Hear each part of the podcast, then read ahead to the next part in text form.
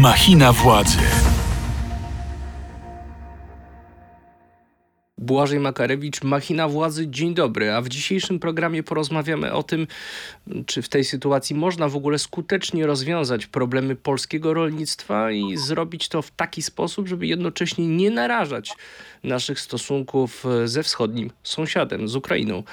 A naszym dzisiejszym gościem jest były minister rolnictwa, poseł Prawa i Sprawiedliwości, pan Jan Krzysztof Ardanowski. Dzień dobry, panie pośle. Dzień dobry, witam serdecznie. Panie pośle, to widzi pan jakiś realny scenariusz rozwiązania tego konfliktu wokół polskiego rolnictwa? Bo wydaje się, że w tej chwili jesteśmy no, tak między młotem a kowadłem. Widzę. To jest e, potrzeba zmiany całej polityki Unii Europejskiej, która przez kilkanaście lat była realizowana. Polityki wobec rolnictwa oczywiście, bo e, proszę zauważyć, że podstawowym postulatem jest zmiana Zielonego Ładu, czyli tego fragmentu polityki klimatycznej, e, która de facto chce zniszczyć rolnictwo europejskie. My się domyślamy, że jakimś praprzyczyną czy jakimś drugim dnem jest to, że wielkie międzynarodowe koncerny chcą opanować i produkcję żywności, i dystrybucję tej żywności, bo daje im to ogromne możliwości wpływania również i rządzenia. Nie rządy, nie państwa będą rządzić, tylko ci, którzy mają energię, mają żywność, ci de facto decydują o wszystkim. W niektórych regionach świata jeszcze i woda. Więc to jest przyczyna i otwieranie się na żywność z innych regionów świata y, świadczy o tym podpisana umowa o wolnym handlu, czyli o pełnym dostępie do rynku unijnego z krajami Mercosur z Ameryki Południowej. To są cztery największe kraje rolnicze: Brazylia, Argentyna, Urugwaj i Paragwaj. To jest umowa o wolnym handlu z Nową Zelandią. Toczą się rozmowy z Australią, ale również ogromne firmy, y, kapitał, który wszedł na Ukrainę, do Rosji, Y, tam są ogromne gospodarstwa, które mają być podstawą produkcji żywności y, dla, dla ludzkości. I również ci właściciele chcą zajmować się dystrybucją, bo przecież nie sprowadzi żywności właściciel sklepiku, w którym pan rano bułki kupuje, tylko również import będzie się odbywał poprzez wielkie koncerny, które będą miały niesamowitą siłę w tym momencie. I pierwszym otwarciem jest na Ukrainę i to dodatkowo jeszcze jest okraszone tym, że my pomagamy Ukrainie, że jest to element pomocy dla krwawiącego, walczącego narodu. No ale przecież te międzynarodowe koncerny, które mają w tej chwili w użytkowaniu około połowy czarnoziemów ukraińskich, y, one nie partycypują w kosztach budżetu Ukrainy, wojny, nie płacą tam podatków, są powiązane z rodzinami oligarchicznymi, z politykami na Ukrainie i to ich interesy, a nie y, narodu ukraińskiego są realizowane. Wyłącznie pory, interesy tych koncernów? Wyłącznie. Wyłącznie i politycy ukraińscy, również i politycy w Brukseli mówią w interesie tych międzynarodowych wielkich firm. One do niedawna y, głównie lokowały swoją żywność w Afryce Północnej, na Bliskim Wschodzie, y, w Azji, czyli tam, gdzie tej żywności faktycznie brakuje ale i z faktu zerwania e, tych łańcuchów dostaw przez Rosjan na Morzu Czarnym, ale również z faktu, że to są rynki chimeryczne, trudne, nie tak lukratywne, tam i ceny nie są zbyt wysokie i po drodze towar może e, zginąć. No, upatrzyli sobie, że chcą wejść do Unii Europejskiej, bo jest to rynek bliski, stabilny, pewny, gwarancja zapłaty stosunkowo niedaleko, koszty transportu mniejsze e, i domagają się twardo wejścia na rynek unijny. Wcześniej to było reglamentowane cłami i kontyngentami dostępu. Tyle było wpuszczane żywności, ile, e, że tak powiem, Unia wytrzymała i nie zniszczyło to rolnictwa. Teraz jest pełne otwarcie i ono ma być na trwałe. Tak się, tego się domagają politycy Brukseli. Komisja, e, nie wiem, dwa tygodnie temu podjęła decyzję o, bezcłowy, o przedłużeniu tego importu bezcłowego, czyli bez ograniczeń dostępu do czerwca przyszłego roku, czyli to jest kilkanaście miesięcy, i rolnicy przeciwko temu protestują.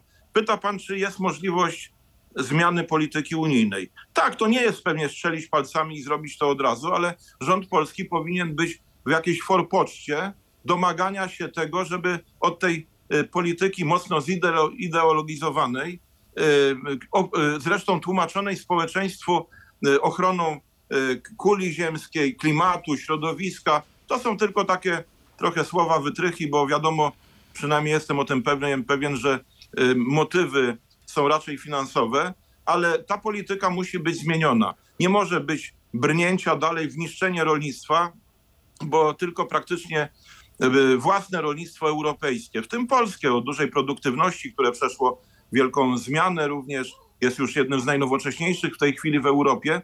Tylko takie rolnictwo może zapewnić bezpieczeństwo żywnościowe. Dobrze, panie pośle, ale to się chcę, chcę, chcę, żywności z zewnątrz to jest, to jest jakiś absurd. ale chce pan I powiedzieć, że, że ta próba y, ujarzmienia w dużych koncernów ukraińskich, ona się nie odbije w żaden sposób na sytuacji społeczeństwa ukraińskiego, które jest w tej chwili no, w dramatycznym położeniu w związku z y, sytuacją y, wojenną. Że jakby nie, nie łączyłby pan... Powtórzę, ale jeszcze raz powtórzę, a co Ukraińcy mają z tego, że koncerny zachodnie pasożytują ich, na ich rolnictwie? Ja kierując radą przy prezydencie zaprosiłem kiedyś przedstawicieli tych drobniejszych rolników ukraińskich, tych co mają po kilkaset hektarów, bo nam się wydaje, że to są duże gospodarstwa, tam są ci mniejsi, plus naukowców z Kijowa. Stwierdzili, że tam rządzą e, układy oligarchiczne tych wielkich firm, e, a e, rolnictwo, rolnicy ukraińscy nic z tego nie mają. Te firmy wykorzystują tanią siłę roboczą, no dużo tańszą niż u nas, tanią energię, nie płacą podatków na utrzymanie państwa ukraińskiego i na, na wojnę, tylko na tym zarabiają, również łamiąc przepisy przyrody, korumpując, czy wręcz decydując o tym, kto będzie y, w lokalnej władzy zasiadał, kto będzie jakimś wójtem, tam starostą, czy y, jakimś odpowiednikiem. No i y, to my mamy się zarżnąć, mamy zniszczyć swoje rolnictwo, po to, żeby nabić kabzę, przepraszam, mówię to bardzo ostro, ym, różnym międzynarodowym grupom. No nie, musimy się bronić. Rząd również dla uporządkowania sytuacji w Polsce na jakiś czas, ja nie jestem w stanie określić, czy to w tygodniach, czy w miesiącach, do czasu uporządkowania rynku w Polsce, bo my mamy w tej chwili około 10 milionów ton nadwyżki zboża, które musimy gdzieś w świat wypchnąć, bo za 4,5-5 miesięcy będą żniwa i będziemy mieli znowu swoje zbiory. Y, Zresztą jesteśmy krajem nadwyżkowym, który co roku musi około 10 milionów ton zboża wyeksportować i w związku z tym każda ilość zboża z Ukrainy jest dla nas od razu dodatkowym y, problemem. Y, Granicę trzeba zamknąć, zapewnić jej szczelność, bo wszystko na to wskazuje, że była to granica absolutnej patologii przez lata. I to, to obciąża wszystkich, którzy po 1989 roku odpowiadali. Zresztą sygnalizują to nie tylko rolnicy, którzy pokazują zdjęcia, filmy, co przez tą granicę idzie, jak są fałszowane dokumenty przewozowe, co innego na samochodzie, co innego w kwitach, a zresztą kierowca ukraiński mówi, jaki kwit chcecie i sięga za pazuchę i y, pokazuje y, każdą, y, każdy wariant dokumentu ukraińskiego, jaki byłby potrzebny. Mówią o tym celnicy, przecież niedawno opublikowali list otwarty Związek Zawodowy Celników, którzy mówią, że procedury stosowane w Polsce i mówią to ci, którzy na tej granicy są codziennie, nie gwarantują szczelności granicy. Więc granica musi być zatrzymana. I to jest Również pańskie oczekiwanie odnośnie tego dzisiejszego szczytu, który się odbywa. I również zatrzymanie granicy na jakiś czas na tranzyt, bo ten tranzyt jest tylko formą oszustwa. Znaczna część tego tranzytu pozostawała w Polsce albo wyjeżdża na chwilę na Litwę czy do Niemiec, tam dostaje pieczątkę, że to już jest żywność unijna i do Polski wraca. To trzeba uregulować. Ja, nie, ja chciałbym, żeby Ukraińcy zrozumieli również nasze racje, bo tylko mówią cały czas o swoich racjach. Zresztą nie chcą rozmawiać, twierdząc, że skoro uzgodnili wszystko z Komisją Europejską, z panią Ursulą von der Leyen, no to o czym mają rozmawiać z poszczególnymi krajami? Przecież y, y, decyzje zapadły w Brukseli. Ukraińcy muszą zrozumieć, zrozumieć również nasze racje, a my chcemy, żeby Ukraina była naszym sąsiadem. Żeby się nie okazało, że za chwilę za Bugiem całkiem inny sąsiad będzie. Chcemy, żeby to była wolna, niezależna Ukraina i musimy usiąść do rozmów, poważnych rozmów, jak poukładać nasze relacje na przyszłość, a nie wysłuchiwać impertynencji ym, polityków ukraińskich, premiera, prezydenta, y, mera Lwowa, tam ministrów po kolei, którzy jadą po nas, przepraszam, jak po burej suce, mówiąc, że my nie mamy swoich y, interesów, tylko musimy realizować interesy Ukrainy. A jak wspomniałem, to nie są interesy Ukrainy, tylko pewnych międzynarodowych grup kapitałowych, które y, na Ukrainie się ulokowały. Są takie głosy ekspertów, którzy przekonują, że rolnicy w Polsce wpadli w pułapkę, magazynując zboże w okresie, w okresie kiedy ceny rosły, a później spadły. No i zostali potem z tym zbożem, tak jak Himilsbach z angielskim. To Henryk Kowalczyk apelował wówczas, aby nie panikować i nie wyprzedawać zboża. Przypomnę te słowa, panie pośle. To jest czerwiec 2022 roku. Wyciąganie wniosków na podstawie kilkudniowych wahań cenowych jest oczywiście błędne. Ja jednak uważam, że ceny zbóż będą na wysokim poziomie. Tak to jest zawsze jest, że w niespokojnych czasach rynkowych pojawiają się wahania. Apelowałbym absolutnie o spokój. Takie wypowiedzi jak słowa Jana Krzysztofa Ardanowskiego powodują wśród rolników niepokój, a rolnicy mogą zupełnie niepotrzebnie wyprzedawać zboże. Pan, ja znam tą wypowiedź. Nie mam jakichś zdolności profetycznych, ale niestety spełniło się co do Joty to wszystko, o czym mówiłem a y, bajki opowiadane przez Kowalczyka, później również przez Telusa, niestety y, historia i rolnicy ocenili bardzo negatywnie. Ja się zastanawiam, na podstawie jakich danych, poza uspokajaniem sytuacji, no to może politycy to zawsze czynią, ale na podstawie jakich danych y, podejmował tego typu deklaracje. Zresztą to jest pewnego rodzaju problem, bo przekonanie o tym, że żywność z Ukrainy, że to zboże z Ukrainy nie stanowi jakiegoś zagrożenia, było dość powszechne. Y, o tym mówili ministrowie, y, o tym przekonywał mnie również prezes Kaczyński, że on dysponuje absolutnie wiarygodnymi raportami, które y, mojego przerażenia czy, czy mojej negatywnej oceny wpływu tego zboża nie potwierdzają. To jest pytanie, jakimi danymi, bo nie sądzę, żeby tu był jakiś chęć mataczenia, złodziejstwa, oszustwa. Raczej na podstawie jakich to wiarygodnych danych, skoro wiemy, jak funkcjonuje granica, y, opierano y, te zapewnienia o tym, że ceny zbóż będą rosły. Oczywiście, wie pan, ja dość twardo rozmawiam z rolnikami, jestem jednym z nich. To nie jest tak, że słowa Kowalczyka wpłynęły na decyzje rolników. A jeżeli by mówił, chłopy, sprzedajcie, bo drożej nie będzie, to co pojechaliby sprzedawać? Nie, to było takie u wielu rolników przekonanie, że skoro ceny idą w górę, skoro sytuacja międzynarodowa y, jest y, coraz bardziej skomplikowana, to może się okazać, że jednak ceny pójdą w górę i część trzymało to zboże dwa lata, rzepak dwa lata w magazynach, licząc na to, że jeszcze dodatkowo zarobią. No ale to jest ich strata, natomiast państwo musi starać się te problemy y, rozwiązywać. A problemem jest to, że rzeczywiście tego zboża w tej chwili jest dużo. Na dodatek napływa napływają inne grupy produktów, to jest y, Wypychani jesteśmy zresztą nie tylko z rynku wewnętrznego, bo o tym się najczęściej mówi, ale przecież Polska jest dużym eksporterem y, żywności. W zeszłym roku to jest wartość 51 miliardów euro. To są ogromne już również i eksporty z Polski. 80% tego eksportu trafia na rynek unijny y, i my jesteśmy stamtąd wypychani cukier ukraiński, zboże ukraińskie, rzepak ukraiński, drób ukraiński, miód ukraiński powoduje, że my za chwilę nie będziemy mieli y, gdzie tego, już nie mamy gdzie tego sprzedawać, się dusimy, y, plus jeszcze napływ tej żywności na, na nasz rynek wewnętrzny, to jest katastrofa. I musi rząd jakieś działania podjąć. Ja widzę tą grę, która się toczy. Obecna władza mówi, ale to PiS zabałaganił, to trzeba teraz sprzątać po PiSie. Takie ulubione słowo sprzątać po PiSie. PiS popełnił błąd i karę za to dotkliwą w postaci przegranych wyborów poniósł. Między innymi dlatego, że wieś odwróciła się, widząc właśnie niefrasobliwość związaną z tym importem Ukrainy, niechęć do opublikowania listy importerów, żeby było wiadomo, kto na tym miliardy zarobił. Niestanięcie w prawdzie sprawiło, że ludzie odwrócili się od Prawa i Sprawiedliwości. Mówię o poparciu na wsi. Spadło prawie 11% Y, w stosunku do tego, co było 4 lata y, wcześniej, ale PiS już karę za to poniósł. Teraz y, odpowiedzialność ponosi obecny rząd, który musi twardo zmierzyć się z problemem.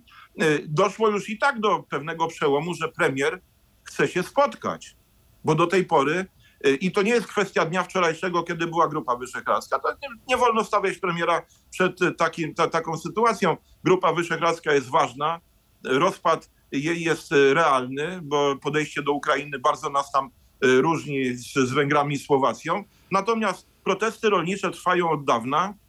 I rolnicy domagali się, by y, twarzą twarz stanąć przed premierem i powiedzieć mu o tych głównych postulatach. Do tej pory nie chciał, zrzucając to na ministra rolnictwa. Ja wielokrotnie deklarowałem, że cenię Siekielskiego, to jest niegłupi człowiek, to ma dużą wiedzę, jest człowiekiem, jak sądzę, uczciwym, ale mówię to również jako były minister rolnictwa, e, szef resortu, obojętnie kto to by był, nie ma narzędzi, by rozwiązać te postulaty i oczekiwania rolników. Musi to zrobić rząd in gremio w całości, między innymi minister rozwoju, y, y, minister aktywów państwowych ma wpływ na to, co się dzieje, a przede wszystkim premier, szczególnie, że wielokrotnie słyszeliśmy, pan zapewne również, jak i ja i wszyscy w Polsce, jakie ma ogromne możliwości w Brukseli, wszędzie przyjaciół, wszędzie znajomych, jest y, y, człowiekiem bardzo wpływowym, utytułowanym, ym, y, niektórzy go królem Europy nazywali, więc skoro rolnicy logicznie mówią, no panie, no skoro mamy problem nielogicznej polityki Unii Europejskiej, martwimy się i wstydzimy, że jest tam Polak również za tą politykę w jakiś sposób odpowiedzialny. Pan Ja Wojciechowski. Tak, ja nie rozumiem, y, co się w głowie Wojciechowskiemu porobiło. Y, Mówię to otwarcie. Ym, Byliśmy przekonani, że y, na tym jednym z najważniejszych stanowisk, jak będzie Polak, no to będzie dobrze dla rolnictwa. Ja upewniałem ministrów całej Unii Europejskiej, będziemy mieli obrońcę rolników, tak jak Hogan, tak jak Ciolosz, tak y, Fischer-Bell wcześniej y, będzie bronił rolników. Się okazuje, że on bardziej wierzy w te aberracje y, klimatyczne, y, obrońców zwierząt i tak dalej, niż, niż w rolników. Zresztą on również twierdził, że zboże z Ukrainy nie tylko w niczym nie szkodzi Polsce i Unii Europejskiej, ale ba, jest korzystne. No później dopiero, kiedy rolnicy zaczęli w całej Europie protestować, zdanie zmienił, tylko że ta skrucha za późno przyszła. Więc y, oczekiwania od premiera Tuska, y, czy do, nie, do niego adresowane są logiczne. No proszę pana, trzeba rozpocząć proces odchodzenia od utopii ideologicznej, tej neomarksistowskiej, która y, w Unii Europejskiej chce zniszczyć rolnictwo. Bezpieczeństwo żywnościowe jest równie ważne jak militarne i energetyczne, a zapewnić może to tylko żywność własna z rolnictwa europejskiego, bo pandemia choćby pokazała, jak łatwo zerwać łańcuchy dostaw. Statek nie płynie, samolot nie lata, samochód nie jeździ i co? Kartą e, kredytową się najemy? Ale to cały Zielony Ład do kosza w bank- takim układzie? Cały Zielony Ład do kosza, czy tylko jakieś Trzeba- konkretne punkty? Zielony Ład, Zielony Ład jest fragmentem pakietu klimatycznego, który y, przesądził, y, już właściwie dyskusji nie ma, bo jakby ktoś to kwestionował, to jest zakwalifikowany jako naukowy idiota, że człowiek niszczy klimat. W związku z tym trzeba przebudować wszystkie działy gospodarki. To de facto doprowadzi do tego, że Europa zbiednieje jak chyba nigdy w historii. Natomiast nową politykę rolną trzeba napisać. Nie Zielony Ład, który y, jest tylko pewnego rodzaju narzuceniem rolnikom y, nieakceptowanych przez nich i nielogicznych rozwiązań, trzeba na nowo określić zależność między rolnictwem a przyrodą, określić bezpieczeństwo żywnościowe, wyliczyć to, ile tego rolnictwa trzeba, ale również dać gwarancję, pewność trwania gospodarstw, a nie to, że nawet najlepsze gospodarstwa, a y, realizacja tego napływu z Ukrainy i Zielonego Ładu to uderza przede wszystkim w duże gospodarstwa. Nie w te małe, karłowate, jak się często w Polsce próbuje przedstawiać, bo gospodarstwo, które ma kilka kierunków produkcji, pracuje na samozaopatrzenie, trochę tam na lokalnym rynku sprzedaje w ramach rolniczego handlu detalicznego czy sprzedaży detalicznej, ma dodatkowe źródło dochodów w postaci emerytury, ktoś z gospodarstwa pracuje poza gospodarstwem, to gospodarstwo z rynkiem ma związek niewielki i to nie ono upadnie. Upadnie ten, który ma parę dziesiąt czy paręset hektarów i produkuje zboże, rzepak, buraki cukrowe, ma produkcję mleka, ma produkcję mięsa. Jeżeli to wszystko y, ma być y, redukowane, eliminowane, bo Zielony Ład tego wymaga, a jednocześnie żywność z Ukrainy bezproblemowo wpłynie i ten nie będzie miał gdzie sprzedać, a ponosi wysokie również koszty produkcji, wyższe niż na Ukrainie czy w Brazylii, to ci upadną. A oni stanowią podstawę wyżywienia Polaków. Y, 3% gospodarstw w Polsce ma powyżej y, 50 hektarów, co nie jest też jakimś tam jakimś y, wielkim, y, wielkim problemem. Te 3% dostarcza na rynek 75% żywności. I te gospodarstwa mają upaść? No przecież to, to my zakładamy sobie y, stryczek y, na szyję. Panie pośle, Wysypywanie zboża czy blokady dróg y, to jest taka formuła protestu, która pańskim zdaniem jest w porządku, że na przykład wiele osób nie może dojechać do pracy? Nie jest, ale jak inaczej mają rolnicy manifestować swoje niezadowolenie? Przecież o tym, że, że to wszystko idzie w złym kierunku, organizacje ro- rolnicze mówiły od dawna, to było lekceważone. Y, Nie tylko w Polsce, tutaj było przekonanie, że nie, nie ma co rolników y, wspierać ekonomicznie y, na zasadzie wzmocnienia ich pozycji w łańcuchu żywnościowym. Ja zresztą o tym mówiłem i to rolnicy bardzo mocno podkreślają. My nie chcemy dotacji, jałmużny, subwencji, my chcemy żyć z tego, co urośnie na naszych polach i co wyhodujemy w swoich budynkach inwentarskich. I nie chcemy być okradani przez pośredników, przez zakłady przetwórcze, przez dominujące sieci handlowe. Nie, było przekonanie również polityków PiSu, że damy chłopom dotacje różne i w ten sposób będziemy mieli również i, i ich poparcie. Ale również i w całej Europie rolnicy niewiele mają do powiedzenia. No na zasadzie pogadajcie sobie, macie swoje lobby, Copa Cogeca, to jest takie y, afiliowane przy Unii Europejskiej y, Stowarzyszenie Organizacji Rolniczych. Sobie pogadajcie, a my i tak zrobimy po swojemu. Więc y, gesty desperacji, proszę zauważyć, że polskie protesty są bez porównania mniej agresywne niż to, co się dzieje w Mo- Brukseli, może jeszcze. w Paryżu. Tak, ale y, rolnicy już nie mogą dalej być y, denerwowani i nie może być dalej przeciągania struny. Y, Dobrze, że to spotkanie z premierem jest. Oby nie chciał rozegrać tego między organizacjami rolniczymi, ponapuszczać, coś obiecać, przeciągnąć w czasie. Ja widzę zresztą taką grę. Z jednej strony przerzucanie na ministra rolnictwa i na PSL, bo wybory się zbliżają i pewnie chodzi o to, żeby koalicjanta troszeczkę osłabić, ale drugie, przeciąganie w czasie, bo już się zaczęła wiosna, ruszył sezon wegetacyjny, trzeba iść w pole, przygotowywać pole do siewu, trzeba zasilać oziminy. Y, To są nieubłagane terminy i każdy, kto ma chociaż trochę wiedzy o rolnictwie wie, że nie na drodze, tylko na polu za chwilę traktor musi być i, i maszyna, więc przeciągnąć to wszystko. Nie wolno dalej tego robić, bo eskalacja ze strony rolników będzie coraz większa. Ja, ja nie pochwalam wysypywania zboża. Ja nie pochwalam y, takich agresywnych zachowań, ale y, t- to absolutnie nie usprawiedliwiam, bo co innego y, mają rolnicy z, y, y, zrobić? W jaki sposób zamanifestować swoje, swoje niezadowolenie i ten nielogiczny kierunek. Ja uważam, panie redaktorze, że rolnicy w tej chwili są najbardziej logicznym, logicznie myślącą, ym, odpowiedzialną grupą społeczną w Europie. Oni widzą, w jakim kierunku ta cała Europa zmierza. Ale rozumiem, To że tak- pan nie neguje w sposób taki no, jednostronny jakiejś e, w- filozofii, koncepcji e, dbania o środowisko naturalne, o przyrodę, o lasy, o zasoby wodne. Ale broń Panie Boże, broń Panie Boże, rolnictwo jest fragmentem przyrody, rolnictwo, rolnicy są kustoszami przyrody, rolnicy dbają o tą przyrodę i ją kochają, bo są codziennie z nią na dotyk. Zresztą zadbana przyroda, dobrze funkcjo- chowane zwierzęta to jest i dochód rolników. Y, Trzeba dbać o lasy, tylko że z jednej strony rozwijajmy y, gospodarkę niskoemisyjną, jak najbardziej, to jest logiczne, ale również zwiększajmy sekwestrację węgla, zatrzymywanie dwutlenku węgla, a tutaj znakomicie mogą pomóc rośliny. Zarówno lasy, dobrze prowadzone lasy, nie jakieś zdychające, emitujące, gnijące i butwiejące, tylko lasy, które y, są poddawane normalnej gospodarce leśnej. To jest wieloletnia y, uprawa. Sadzi się nowe, wycina stare i to tak, tak się toczy. W rolnictwie jest to cykl krótszy, boroczny lub kilkuletni, ale bujna szata roślinna i leśna i rolna może być y, odpowiedzią na zmiany klimatyczne, może pochłaniać dwutlenek węgla. Więc tak trzeba na to patrzeć. Oczywiście nikt przy zdrowych zmysłach nie chce zniszczyć przyrody. My chcemy zostawić następnym pokoleniom ją nawet w stanie lepszym, poprawionym y, po tych eksperymentach urbanizacji, industrializacji, różnych głupot na świecie. Y, Chcemy ją zostawić, ale to musi uwzględniać również interesy rolników, tym bardziej, że oni występują nie tylko w swoich prywatnych y, interesach. Bronią społeczeństwa i bronią bezpieczeństwa żywnościowego, żebyśmy codziennie ten chleb powszedni, o który się modlimy, który jest symbolem żywności, codziennie na stole mieli.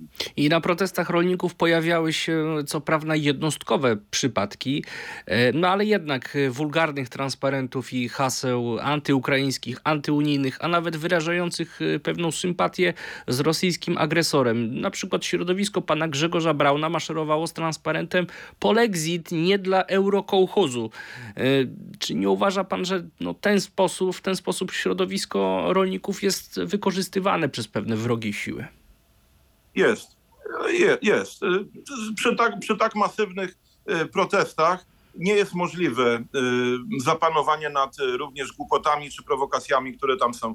Agentura ruska wykorzystuje również to, żeby nakręcać spirale nienawiści przeciwko Ukraińcom, żeby podsycać emocje społeczne w Polsce. Jestem o tym przekonany. Środowiska takie choćby jak Brauna też chcą swoje przy okazji ugrać. Dlatego ja apelowałem do rolników a jestem z nimi w kontakcie codziennym. Pędźcie od siebie prowokatorów, za przeproszeniem za szmaty Kopa i Won, y, i to, i to robią, ale również pędźcie od siebie polityków, którzy chcieliby się na protestach wylansować. Zarówno tych z koalicji rządzącej, jak i tych z PiSu. Y, Ci poprzedni mają się uderzyć w piersi i powiedzieć, co y, zaprzepaścili, co zmarnowali, a, a wieś ich za to rozliczyła, a ci obecni mają się wziąć do roboty i zacząć rozwiązywać problemy, a nie tylko mówić o tym, że y, będą sprzątali po PiSie. Dlatego ten protest powinien mieć jak najmniej y, charakteru politycznego, rozumianego jako walka partii politycznych, tego okładania się tym politycznym cepem, czy kłonicą, czy orczykiem, bo to chcę rolnicze porównania tutaj y, zastosować. I rolnicy to czują. Pędzą polityków, ale również tych prowokatorów ruskich, czy, czy innych również od siebie odpędzają. I niech, niech tak czynią, bo wtedy ten protest jest autentyczny. Ja bym nawet powiedział, że może niektórym byłoby na rękę, żeby się politycy podczepili. Bo jeżeli by na protestach byli politycy PiSu ze szturmówką na traktorze się pokazywali, a niektórzy mają taką chęć pokazywania się, to Platforma i Tusk powiedzą, ale my nie, nie bierzemy się za rozwiązywanie problemów, bo to są nakręcone problemy przez Prawo i Sprawiedliwość, które chce się e, dokleić, e, przyssać do protestujących rolników, bo e, to wynika z chęci, nie wiem, e, e, osłabiania obecnej władzy. A PiS nie może również, e, jeżeli również samemu ma niestety, i mówię to z przykrością, na swoim koncie błędy, potknięcia, e, różnego rodzaju niekonsekwencje, to też nie może stać z tym cepem i walić cały czas, że ci przez dwa, tygo- przez dwa miesiące wszystkiego nie rozwiązali. Panie pośle, to ostatnie pytanie. W takim razie osoby, które z nieco mniejszą sympatią patrzą na rolnicze protesty, mówią, że przecież nikt inny, a to właśnie rolnicy byli w Polsce największymi beneficjentami członkostwa w Unii Europejskiej, że dzięki środkom unijnym polska wieś się zmodernizowała. Zgadza się pan z tym? Wie pan, to jest y, y, bzdura, którą ja często słyszę. Największymi beneficjentami y, wspólnej polityki rolnej byli konsumenci. Bo już w traktatach rzymskich jest zapisane, że trzeba prowadzić politykę na poziomie europejskim w taki sposób, żeby po pierwsze nie zabrakło żywności, a wielkie inwestycje, które poczyniono w rolnictwo europejskie, sprawiły, że od głodu, który był po wojnie we wszystkich krajach europejskich, doszliśmy do wręcz nadmiaru żywności, tego, że możemy ją marnować, co jest grzechem, y, a wielu z nas to popełnia. Możemy tę żywność gwarantować bezpieczną y, społeczeństwu europejskiemu, możemy dzielić się ze światem również y, tą żywnością, więc y, y, bezpieczeństwo żywnościowe, y, żywność po rozsądnych cenach, a ona w dalszym ciągu jest po rozsądnych cenach, dlatego, że rolnicy są wspierani, bo nie można dopłacać do konsumentów, byłoby to dziwne i nielogiczne. Y, Konsumenci mają różne y, grubości portfeli, ale utrzymywanie cen żywności w racjonalnych granicach, dostępności tej żywności, również ekonomicznej dostępności y, dla y, konsumentów, również tych uboższych grup społecznych, to jest y, skutek właśnie wspierania rolników. A wymogi technologiczne y, nowych maszyn, nowych y, traktorów, nowych urządzeń, rolnictwa precyzyjnego, satelitów, nowych technologii w hodowli zwierząt, to jest wymóg światowy. To nie, to nie rolnik, czy rolnik, przepraszam, y, ma jakąś wielką radość, y, czy wykorzysta to do własnych przyjemności, że ma bardzo drogi traktor czy drogi kombajn, a jeżeli ktoś jeździ drogim samochodem, to mu to wytykamy. Y, W przypadku rolników to jeszcze to nie jest żaden luksus, to jest po prostu pewnego rodzaju wymóg, który zresztą i władze Unii i Komisja Europejska również stawiała i narzucała rolnikom w całej Europie. Niech się konsumenci cieszą, że jest nowoczesne rolnictwo, bo to rolnictwo zapewnia im żywność, a tylko, powtórzę na koniec, tylko własne rolnictwo, europejskie rolnictwo, polskie rolnictwo może zapewnić bezpieczeństwo żywnościowe, nie żadne dostawy ze świata. Jak, jak chcesz mieć jedzenie, to szanuj polskich rolników. Dziękuję bardzo, panie pośle. To był podcast Machina Władzy w Radiu Z. Zachęcam do subskrybowania kanału Radia Z na YouTube, do komentowania naszej dyskusji, łapek w górę i y, udostępniania naszej rozmowy. A dziś naszym gościem był były minister rolnictwa, poseł y, Prawa i Sprawiedliwości, pan Jan Krzysztof Ardanowski. Bardzo dziękuję, panie pośle, za rozmowę. Dziękuję i serdecznie pozdrawiam wszystkich słuchaczy Radia Z. Dziękujemy, do zobaczenia, do usłyszenia. Machina władzy. Więcej podcastów na player radioz.pl.